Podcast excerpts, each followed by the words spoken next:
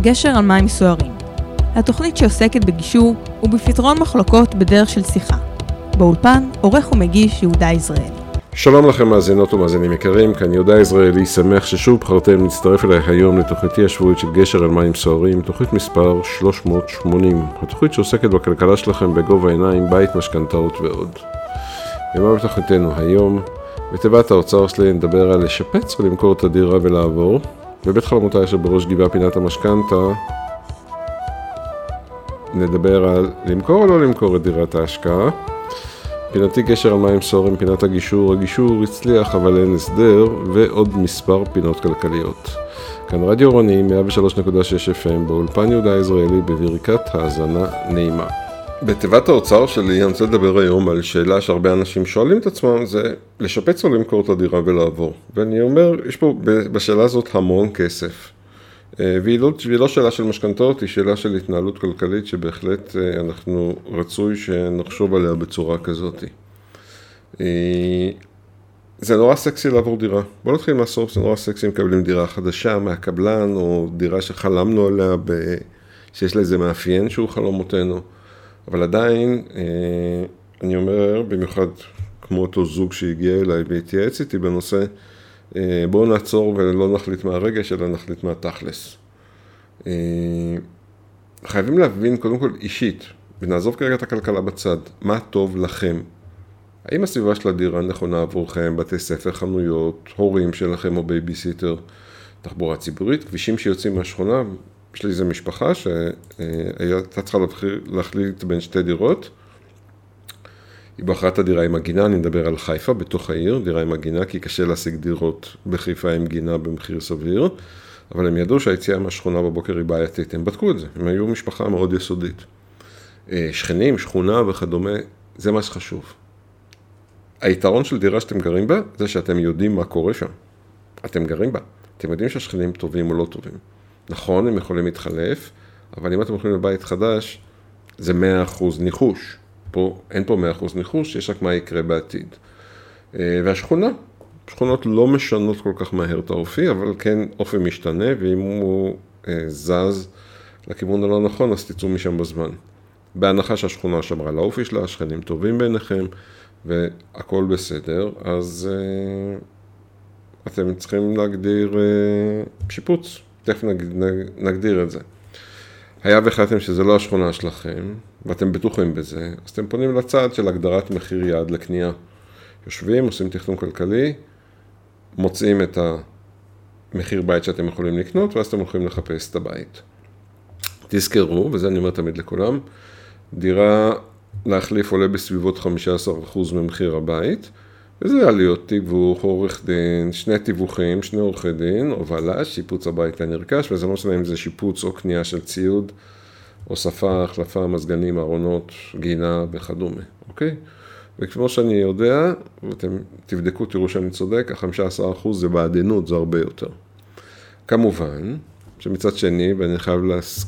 להזכיר לכולנו שאנחנו בני אדם, אסור להתעלם מהכיף והאושר של בית חדש, משודרג. ואני פגשתי כבר משפחה שעברה משיכון לשיכון, היה שם רק עוד דבר קטנצ'יק אחד שזה מעלית שאפשר לסבא להיכנס ולהגיע אליהם לדירה ועוד איזה משהו קטן והם היו מאושרים והוסיפו אה, סכום לא גדול אבל זה בכל זאת מעבר דירה עולה כסף. אה, וכן צריכים לחגוג הישגים ולעבור דירה זה לא מילה גסה. מצד שני, בואו נחזור לשיפוץ. אם החלטנו שטוב לנו, שכנים מדהימים, השכונה שקטה, לילדים יש אופק חברתי וחינוכי, אה, אז בואו ניכנס לחשבון קטן. בואו נדבר, אתם זוכרים את ה-15% ממקודם. דירה של מיליון וחצי, אנחנו מדברים על 225 אלף שקלים. איך אמרה לי מישהי השבוע? ב-250, לא 225, ב-250 אלף שקל אני הופך את הבית. ריצוף קירות, מטבח, אמבטיה, חדר אה, אמבטיה הורים, הכל. לא מדבר כבר חשמל, זה כבר שטויות בסכומים האלה. אה, זאת אומרת, אנחנו יכולים לקבל בית חדש בלי שעברנו דירה, תשימו לב.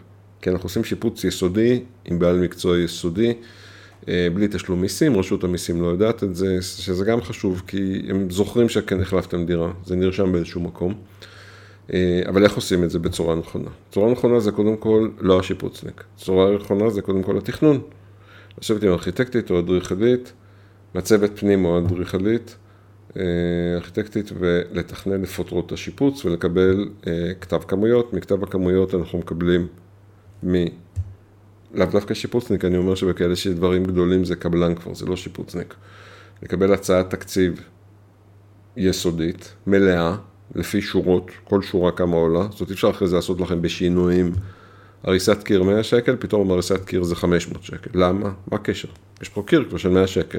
אני אומר לכם שזה הציל אותי וגרם לי לחסוך 80 אלף שקל כשבניתי הביתה. ואחרי שקיבלנו הצעה והחלטנו מי הקבלן שהכי טוב, לא רק מבחינה כלכלית, אלא מבחינת ההמלצות שלו, אנחנו חייבים להיכנס לבקרה תקציבית הדוקה. ככל שנעשה תכנון טוב יותר עם מעצבת הפנים או אדריכלית ותקצוב נכון, העבודה תזרום מהר יותר, כי קודם כל לא יהיה שינויים. ודבר שני, לא יהיו עלויות בהפתעה, אז אנחנו לא נתרגז ולא נריב עם אף אחד. תזכרו שהשיפוצניק צריך לדעת שלא יהיו הפתעות, ותגידו לו, תשמע, תכננו את זה, תן לנו הצעת מחיר, שככה אנחנו ארצים. אתם לא רוצים שבאמצע הוא יתעצבן שאין שינויים, ואם אין שינויים אז הוא לא מרוויח הרבה, ואז אם הוא לא מרוויח הרבה הוא פתאום הולך למה שנקרא לחפש איפה להרוויח על חשבונכם. אז תגידו לו מראש, חבוב, אנחנו עשינו שיעורי בית, אה, כפי נראה לא יהיה שינויים רבים, אה, תן לנו הצעת מחיר שמתאימה לאין שינויים, ותראו מה הוא יגיד. והכי חשוב, שתהיו מאושרים, כי ארבע קירות זה שטויות. הכי חשוב זה משפחה מאושרת בפנים. בית חלומותיי, פינת המשכנתה, אני רוצה לדבר היום על קבלת החלטות. משהו שקשור למשכנתאות כמובן, אבל לקבלת החלטות. אה, והשאלה שעלתה לדיון עם משפחה שהתקשרה אליי זה האם למכור דירת השקעה. והשאלה השנייה שעלתה, רגע, ואם נמכור אז לא נהיה בעולם השקעות יותר לעולם? שזה כבר נשאל בצורה מאוד מאוד אה, מבואסת, כאילו, וואו, אם נמכור את דירת ההשקעה שלנו, אז זהו, יותר לא יהיה דירת השקעות? אני רוצה להתחיל דווקא מהסוף, ולהבין שהחיים שלנו מלאים עליות וירידות, הצלחות וכישלונות, ואם אנחנו אה, נכשלנו, זאת אומרת שיש לנו לפחות עוד פעם אחת לנסות בשביל להצליח. אה, המצליחנים פשוט ניסו עוד פעם אחת, אוקיי? זה הנקודה שגם אני תמיד אומר אותה בסוף, אבל פעם אני אגיד אותה בהתחלה, כדי לתת לכם את המוטיבציה להקשיב לכל השאר. דבר שני, אני אגיד שכמו תמיד, אנשים היו בלחץ. למה? כי אמרו להם, אתם חייבים עד חמש לתת תשובה. מוכרים את הבית או לא מוכרים את הבית? את דירת ההשקעה. ואז בעצם אמרת להם דבר ראשון, קודם כל, שאין תשובה נכונה או לא נכונה. יש תשובה שמתאימה להם, והם צריכים לבחור אותה. אני אעזור להם כמובן לבחור אותה, אבל זה, ה, אה, התשובה היא שלהם ולא שלי או של יועץ אחר. אז בואו רגע ניכנס, ניכנס לעובדות. מדובר בדירה בבאר שבע. ואני יודע שזה מדליק אה, דעות לכאן ולשם, אבל מה לעשות, באר שבע זה עיר שהשקיעו בה המון, וגם היום יש אנשים שעוד נכנסים להשקות, להשקיע בהם, להשקיע בה. אה, הדירה עמדה ריקה בגלל הקורונה, וכשהיא הושכרה לזוג שאיננו סטודנטים, החוזה נגמר בדצמבר, מה שגרם בעצם להמתנה, כרגע המתנה תחילת שנת הלימודים לחוזה הבא. עכשיו, נכון, סטודנטים זה רק באוקטובר, אוקטובר-נובמבר הבא, אז זה הנוכחי, זאת אומרת, אבל שיבוא אלינו לטובה, אבל בעצם למה לא הכניסו מישהו אחר, היה להם סוחר טוב. לא שאלתי, זו החלטה של המשפחה, הם יודעים למה. אה, וכשהם עשו את המאזן הכלכלי מקניית הדירה עד המכירה, כולל המחיר שהבטיחו להם, כולל עורכי דין, השקעות וכל דבר אחר, הם הגיעו למסקנה שהם הפסידו 20 אלף שקל, שזה המון כסף. אז קודם כל בואו ניקח פרופורציות שאנחנו משקיעים בקניית דירה ומכירתה וזה 20 אלף שקל להפסיד זה לא נורא. אנחנו לא רוצים להפסיד כמובן, אני לא מזלזל ב-20 אלף שקל, אבל לא הפסדנו דירה של 650, זה אפילו לא 10 אחוז, זה 3 אחוז. אז לכאורה כן, אם החזיקו את הדירה שלוש שנים, אז הפסידו נגיד 12 אחוז, פחות פחות השלושה אחוז, אז הפסידו כאילו 15 אחוז, זה הרבה כסף, אבל אני תמיד אומר, הם לא יצאו מה שנקרא עם אה, הפסד מטורף, שהם לא יכולים לעמוד בו. ואז שאלנו את עצמנו מה בעצם האלטרנטיבות, האלטרנטיבות בעצם זה שוק ההון, אוקיי? שוק ההון, וישר הם התלהבו, הוא עלה בשנים האחרונות, אבל מיד הם הבינו, אבל רגע, אבל עכשיו הוא נעצר, קצת ירד, אולי הוא יעלה, אולי הוא ירד, אין לנו מושג. אה, בגלל זה דרך אגב אנחנו אף פעם לא אומרים תיכנסו לשוק ה, שוק הנדל"ן, שוק ההון, אנחנו תמיד אומרים תפזרו, אוקיי? אה, ואם תפזרו אז גם כפי נראה בסוף לא אה, תיפלו. אה, שאלתי אותם איך הדירה, אמרו לי דירה מושקעת חבל על הזמן. מה זה אומר? אין לי מושג, זה תלוי בשכונה, תלוי באיך איך הסטודנטים תופסים אותה. אני יכול להגיד לכם שהבת שלי אה, גרה בשלוש דירות ב, כשהיא למדה בבן גוריון. אה, אף דירה לא הייתה בדיוק מבריקה בונבון, בלשון המעטה, אבל היו לה מאפיינים שעזרו לה להיות תמיד מלאה. גם לפני שהבת שלי הייתה שם וגם אחרי שהבת שלי הייתה שם. אה, וזו נקודה חשובה. דירה זה לאו דווקא איך היא נראית, דירה זה איך מוכרים אותה, דירה זה איזה היסטוריה יש לה, היא מלאה ויש בה vibe טוב, והסטודנטים כבר מביאים את הסוחרים הבאים. אה, דבר שלישי ששאלתי אותם, איזה זמינות כסף אתם צריכים? ובעצם, זה שאלה טריקית. למה? כי כשיש כסף בחשבון, הוא נוטה להיעלם. מה שנורמטיבית אי אפשר לעשות עם דירה, זאת אומרת אפשר למשכן את הדירה, אפשר לעשות הרבה דברים גרועים, אבל רוב האנשים הנורמטיביים לא עושים את זה. אה, ולכן כאילו ההחלטה צריכה ליפול על רמת מה הסיכויים שהדירה הזאת אה, תהיה מושכרת ושירוויחו עליה כסף, אל תשכחו שמהיום עד נובמבר יש לנו חצי שנה שהדירה הולכת להיות ריקה. אה, ואם הם יכולים להרשות לעצמם להתאמץ קצת יותר בדירה הבאה ולחפש נגיד שותף, להיכנס שניים בדירה, אה, לחפש דירה במקום יותר רחוק ולאט לאט אה, להתאמץ ולעלות, כי היום ב-650 אלף שקל שהציעו להם על הדירה, אה, יותר קשה לקנות מאשר אז במקומות אחרים. וכן, דירה זה מאמץ, דירה זה השקעה, ונראה לי שאם הבנתי נכון, יש להם בעיה עם להשקיע בזה, למרות שלא צריכים להשקיע בזה יותר מדי זמן, זה עניין של האם אתם מוצאים את הבן אדם המתאים שיעשה את זה עבורכם. גם לחפש דירה זה לא דבר פשוט. אמרתי להם בפירוש, בצורה חד משמעית, אה, למצוא מישהו שימצא לכם דירה, זה לא בעיה, יש אנשים שזה עבודה שלהם, אה, וגם אחרי זה תחזוקה, זה לא בעיה, צריכים חשמלאי ואינסטלטור, אמרתי פעם למישהו, חשמלאי ואינסטלטור מכסים אתכם, וזה לא בעיה למצוא אחד ישר כזה ואחד ישר כזה בכל עיר. לסיכום, החלטות שלנו הן מאוד אישיות. הם כנראה החליטו למכור, דרך אגב, אני לא שאלתי בסוף מה המסקנה, אני, אני רק נותן לאנשים כלים. הם כפנר החליטו למכור, זו החלטה שאם הם עשו אותה, לדעתי היא החלטה נכונה. היא לא אומרת כלום, זו דירת השקעה הראשונה שלהם. יכול להיות שהם פיקששו שם משהו במקום, ב vibe, בהשכרה, במתווך שאפילו משכיר את הדירה. אין לי מושג, אני לא אוהב לדבר כשאני לא מבין, או שאני בטח לא כשאני לא מעורב. ולכן בעצם הם צריכים לקחת את הכסף ולהסתכל מה הם עושים איתו הלאה, מה הם עושים איתו הלאה מבחינת מה הם רוצים להשקיע. רוצים להשקיע דירה, חפש את הדירה הבאה. רוצים לעבור לשוק ההון, תעברו לשוק ההון, תזכרו ששם זה בדיוק אותו דבר, טווח ארוך. אין שם משהו להיום למחר ופתאום זה עולה. במיוחד שאנחנו יודעים ששוק הדירות כבר עלה, עלה הרבה. אה, ולכן בעצם זו החלטה שכל משפחה צריכה לקחת לעצמה לפי רמות הסיכון שהיא רוצה ומסוגלת, לפי כמות ההון שיש לה והזמינות שלו כפי שהיא צריכה אותה. זה, זה הדבר הכי חשוב. מתי הם צריכים הון וכמה.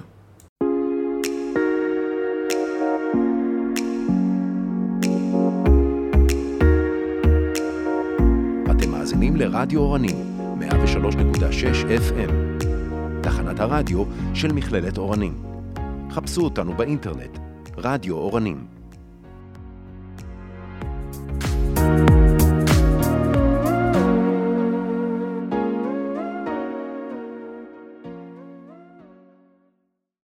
בפינתי גשר על מים סוערים, פינת הגישור, אני רוצה לדבר היום על הגישור הצליח אבל אין הסדר. הרבה פעמים הגישור מצליח, מה זה אומר הגישור מצליח? אנשים מבינים שהם לא בדיוק צדקו ב-100% וזה לא משנה כרגע אם זה התובע או הנתבע.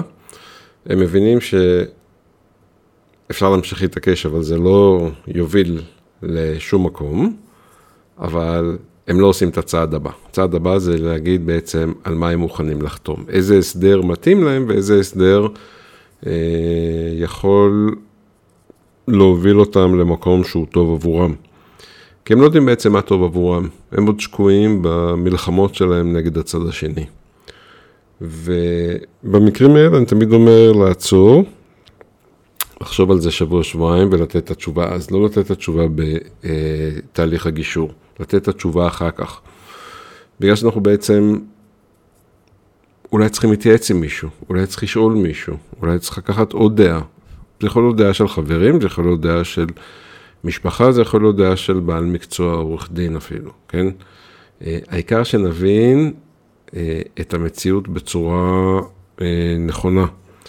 כי כשאנחנו כועסים על מישהו, וזה לא משנה אם זה בן אדם או ארגון, אנחנו לפעמים לא בדיוק מקשיבים למה שהוא אומר, גם אם זה בגישור, ולא מקשיבים למגשר, ולא מקשיבים לסביבה. וטוב, אתה יודע מה, בסדר, אני אתנצל, אבל פיצוי, מה פתאום פיצוי? אני מדבר על אה, מקרה, שקרה לי, אה, שבן אדם היה עסוק בהתנצחות, אה, למה הצד השני סידרו אותי, גרמו לי נזק וזה, אבל כשזה בא לידי התכלס, גם בשיחות אישיות, הוא לא ידע להגיד איפה נגרם לו נזק, הוא לא ידע להגיד בכלל שמה שהוא אמר בכתב התביעה ובמציאות בכלל קורה. הוא לא ידע להגיד כלום, הוא ידע רק להגיד שאכלו לי, שתו לי.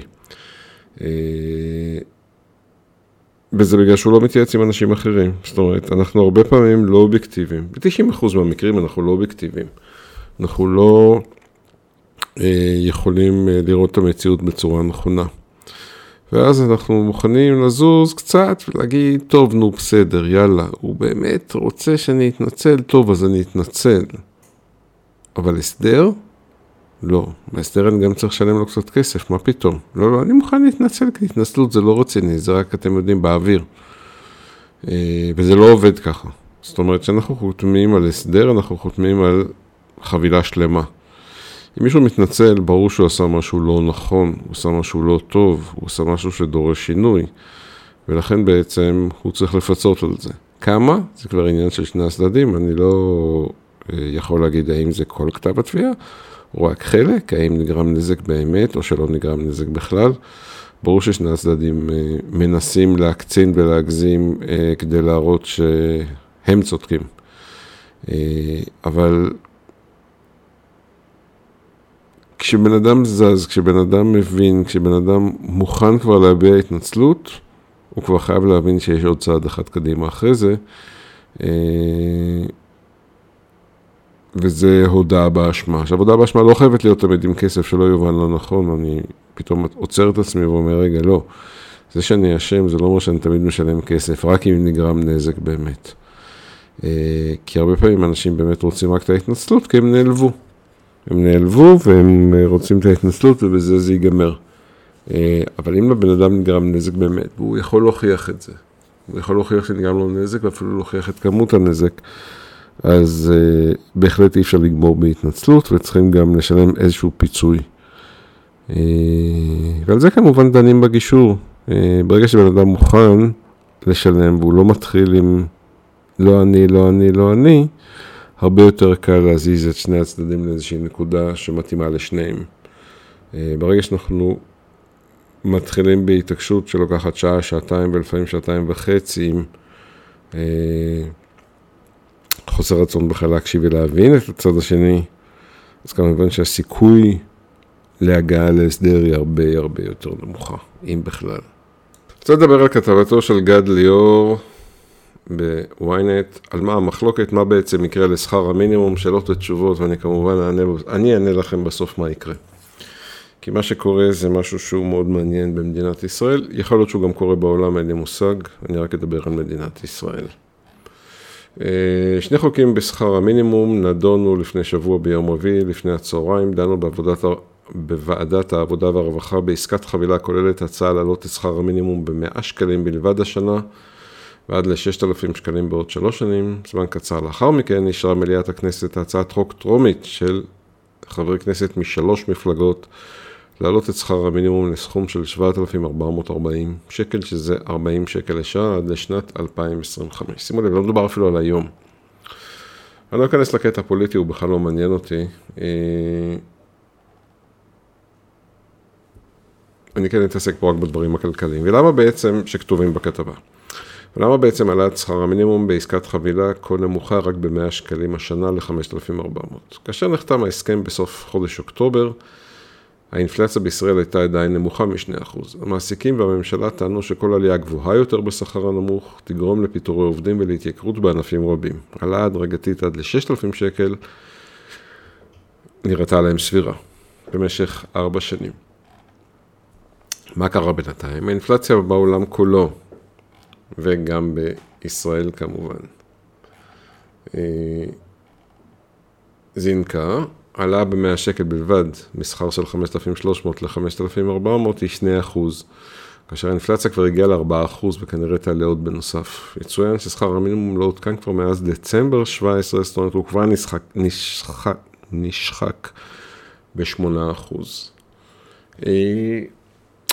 אני אגיד לכם משהו, אני לא רוצה לדבר פה מה ליברמן אמר ומה ההסתדרות אומרת ומה המעסיקים אומרים, באמת, כאילו זה לא לעניין, אני פה בתוכנית כלכלית, לא בתוכנית אה, פוליטית. אה, אני אומר משהו נורא פשוט, אנשים פשוט לא יוצאים לעבוד. אה, יש שכר בעבודות מסוימות שבאמת רק אנשים שחייבים יוצאים לעבוד בהם, וכל השאר שעבדו בהם הפסיקו לעבוד בהם. אנחנו רואים כשזה קורה באבטחה, הרבה צעירים הפסיקו לעבוד בתחום הזה, זה קורה בהוראה, זה קורה במסעדות, זה קורה בכל מיני מקומות שבהם אנשים הבינו ש... אני לא אגיד שאם לוקחים אבטלה, לא כולם לוקחים שם אבטלה, אבל כן אולי שווה להישאר בבית, כי באמת השכר הוא כבר מוגזם. האם העלאה של 2,000 אה, שקל, אה, כמו שטען שם אחד המרואיינים בכתבה, תגרום לזה שמפעלים ייסגרו ויפוטרו עובדים? אין לי מושג, לא עשיתי את החשבון, ויכול להיות שזה יגרום לעליית מחירים, יכול להיות, ואז בעצם שכר המינימום שוב פעם כבר לא יהיה מינימלי. אה, אני חושב שאת יוקר המחיה בישראל אפשר להוריד בצורות אחרות, כמו לחסל מונופולים. חיסול של איזה שניים שלושה מונופולים יכולים להוריד את המחירים, ואז אולי לא צריכים להעלות את שכר המינימום. אני מדבר להוריד מחירים ב-20%, 30% ו-40% בכל מיני דברים שהם יקרים בארץ. אה, אבל הפוליטיקאים לא רוצים מתח... אה, להתעסק עם זה. והוא שר האוצר האחרון שהלך להיות דירקטור או משהו אחר באיזושהי חברה, שתכף תיסגר.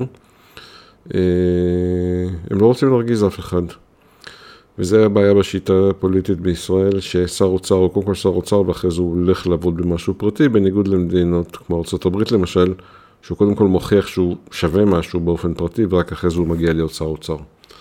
כן, גם שם הוא תלוי בתעשיינים ובאחרים, אבל לא להכנסות שלו. הוא תלוי בהם כי הוא חבר שלהם, אבל הוא לא תלוי בהכנסות שלו, כי הוא לא צריך את העבודה שלהם אחר כך, יש לו עבודה משל עצמו. וזו נקודה מאוד חשובה. שוב פעם, אני לא חושב שבארצות הברית הכל טוב וצומח על העצים זהב, אבל בנקודה הזאת בטוח בישראל יש בעיה שאנחנו רואים אותה בכל בעלי, בכל המייצגים שלנו בממשלות למיניהם, מכל המפלגות, שוב פעם, זה לא קשור למפלגה זו או אחרת, ולכן לא אזכיר שמות ברשותכם.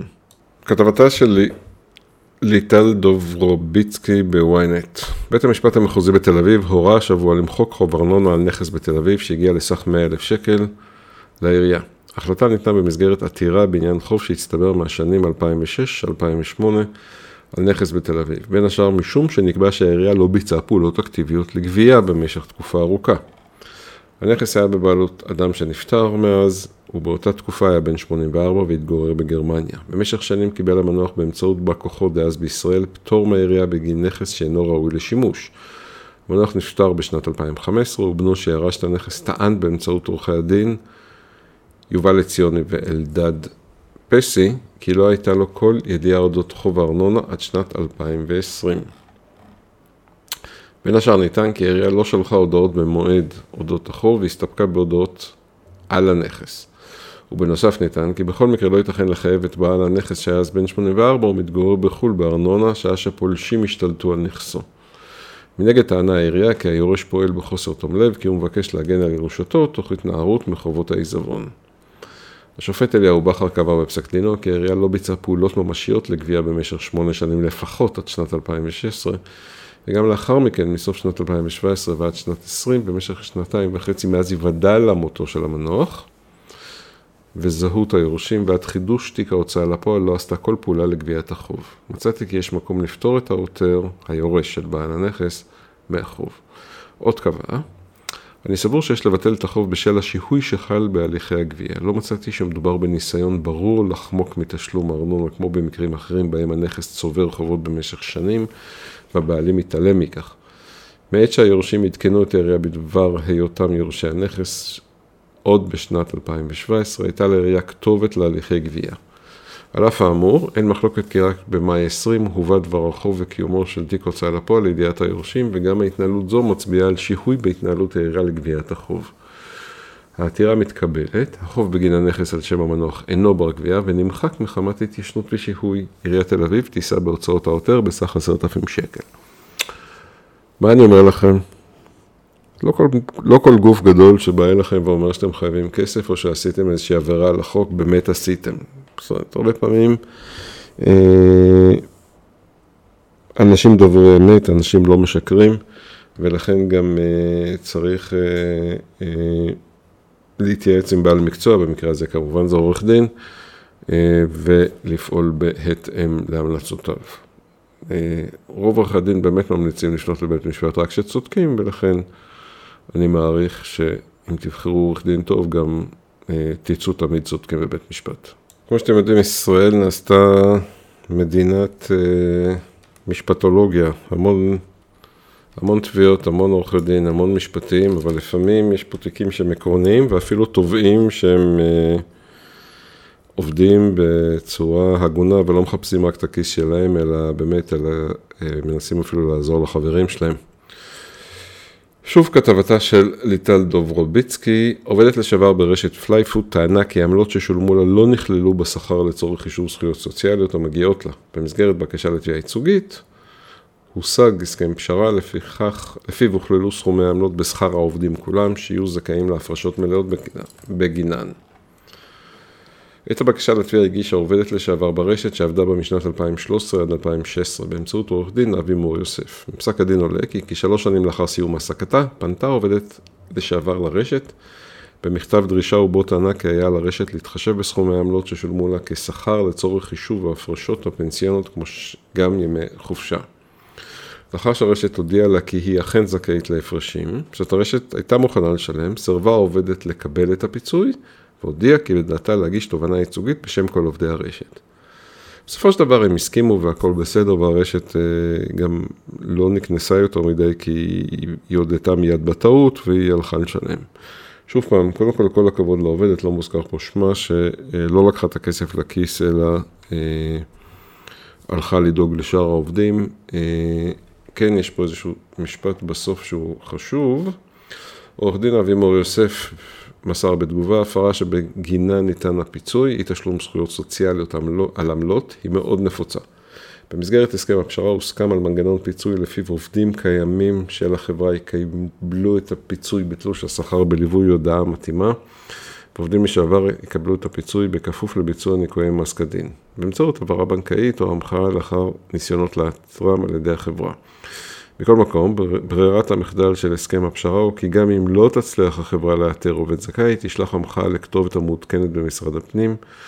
כמו כן הוסכם כי גם סכומים שבסופו של יום לא ישלמו לעובדים, אם בגלל שעלות ביצוע הסכם לגבי אותו עובד תהיה יקרה מסכום שאותו עובד זכאי, כ-50 שקל, ואם בגלל שלא יהיה ניתן לאתר את העובד ולא תיפרע המחאה שתישלח אליו, יחולקו בין העובדים הקיימים של החברה, כך שהחברה תחזיר לעובדים את מלוא סכום הפיצוי לו הם זכאים, בשל ביצוע תשלום זכויותיהם בחסר, זה יפה מאוד, כל הכבוד. אה, בא עורך דין רפי סגל בא כוח הרשת, אני חייב למסור את זה. מדובר בהליך משפטי חריג בו צדדים הגיעו להסכם פשרה עוד לפני הגשת בקשה לאישור תובנה ייצוגית והגיעו כהליך ראשון בתיק בקשה מוסכמת לאישור תביעה ובמסגרתה בקשה לאישור הסכם פשרה. בית הדין קבע כי ההתנהלות הרשת בהליך ראויה להערכה ולעידוד פליי פוט, אני מסכים אה, אה, שפעלתם כמו שצריך, כל הכבוד. באמת, אה, כל הכבוד, זה נדיר, אני לא יודע מה קורה בחו"ל, בישראל זה נדיר. זו כתבה שהיא חשובה לאו דווקא בגלל המקום שבו זה קרה, כתבתה של מירב קריסטל. עשרות לקוחות תחנת הדלק פז, לוי אשכול בקריית אונו, טוענים שהאוטו לא התניע, אלא עשן או נתקע. אחרי תדלוק בתחנת פז, החברה בודקת תקלה נקודתית במכל דלק אחד בתחנה, בקריית אונו, לוי אשכול. החברה תפצה את הלקוחות על כל נזק שנגרם.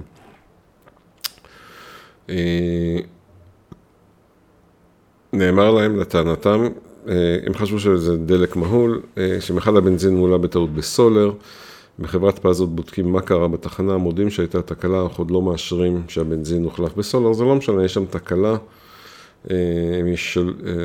אנשים יפוצו. מה שאני רוצה להגיד זה דבר כזה, זה משהו שהוא באמת נקודתי, תקלה שמודים בה ואין לי איתה בכלל בעיה, זאת אומרת יש לה בעיה לאוטו, אבל אין בעיה בהודעה שבה. הבעיה זה עם התחנות שמזייפות, תהיו ערניים, אל תקנו בחברות קיקיוניות, למרות שגם בחברות גדולות יש לפעמים זיופים. אם המנוע טיפה מזייף, צריכת הדלק עולה, תעברו תחנה. לא חייבים להמשיך לקנות באותה תחנה, גם אם כאילו הם מוכרים לכם בזול. לפעמים, הזול זה ביוקר. גשר על מים סוערים. התוכנית שעוסקת בגישור ובפתרון מחלוקות בדרך של שיחה. באולפן, עורך ומגיש יהודה יזרעאל. כמו כל דבר טוב, כאן מגיעה התוכניתי בנושא גישור וכלכלה לסיומה. אך הגישור לא מגיע לסיומו. בחיים אנחנו כל הזמן בגישור. עם בת הזוג, הילדים, השכנים, המעסיק, החברים מדברים, מקשיבים ומגיעים להבנות. רק על ידי שיחה. וזכרו זאת היטב כל השנה. זכרו זאת כשאתם בכביש, שסימן, הנהון וחיוך בתוספת 15 שניות יכול לשנות את החיים של הרבה הרבה משפחות. כאן יהודה ישראלי ברדיו אורני, 103.6 FM, נשתמע בשבוע הבא בתוכניתי גשר על מים סוערים. כל יום ראשון בשעה 9 בערב ובשידור חוזר ביום חמישי בשעה 4. מאחל לכם הרבה הרבה בריאות ושבוע טוב.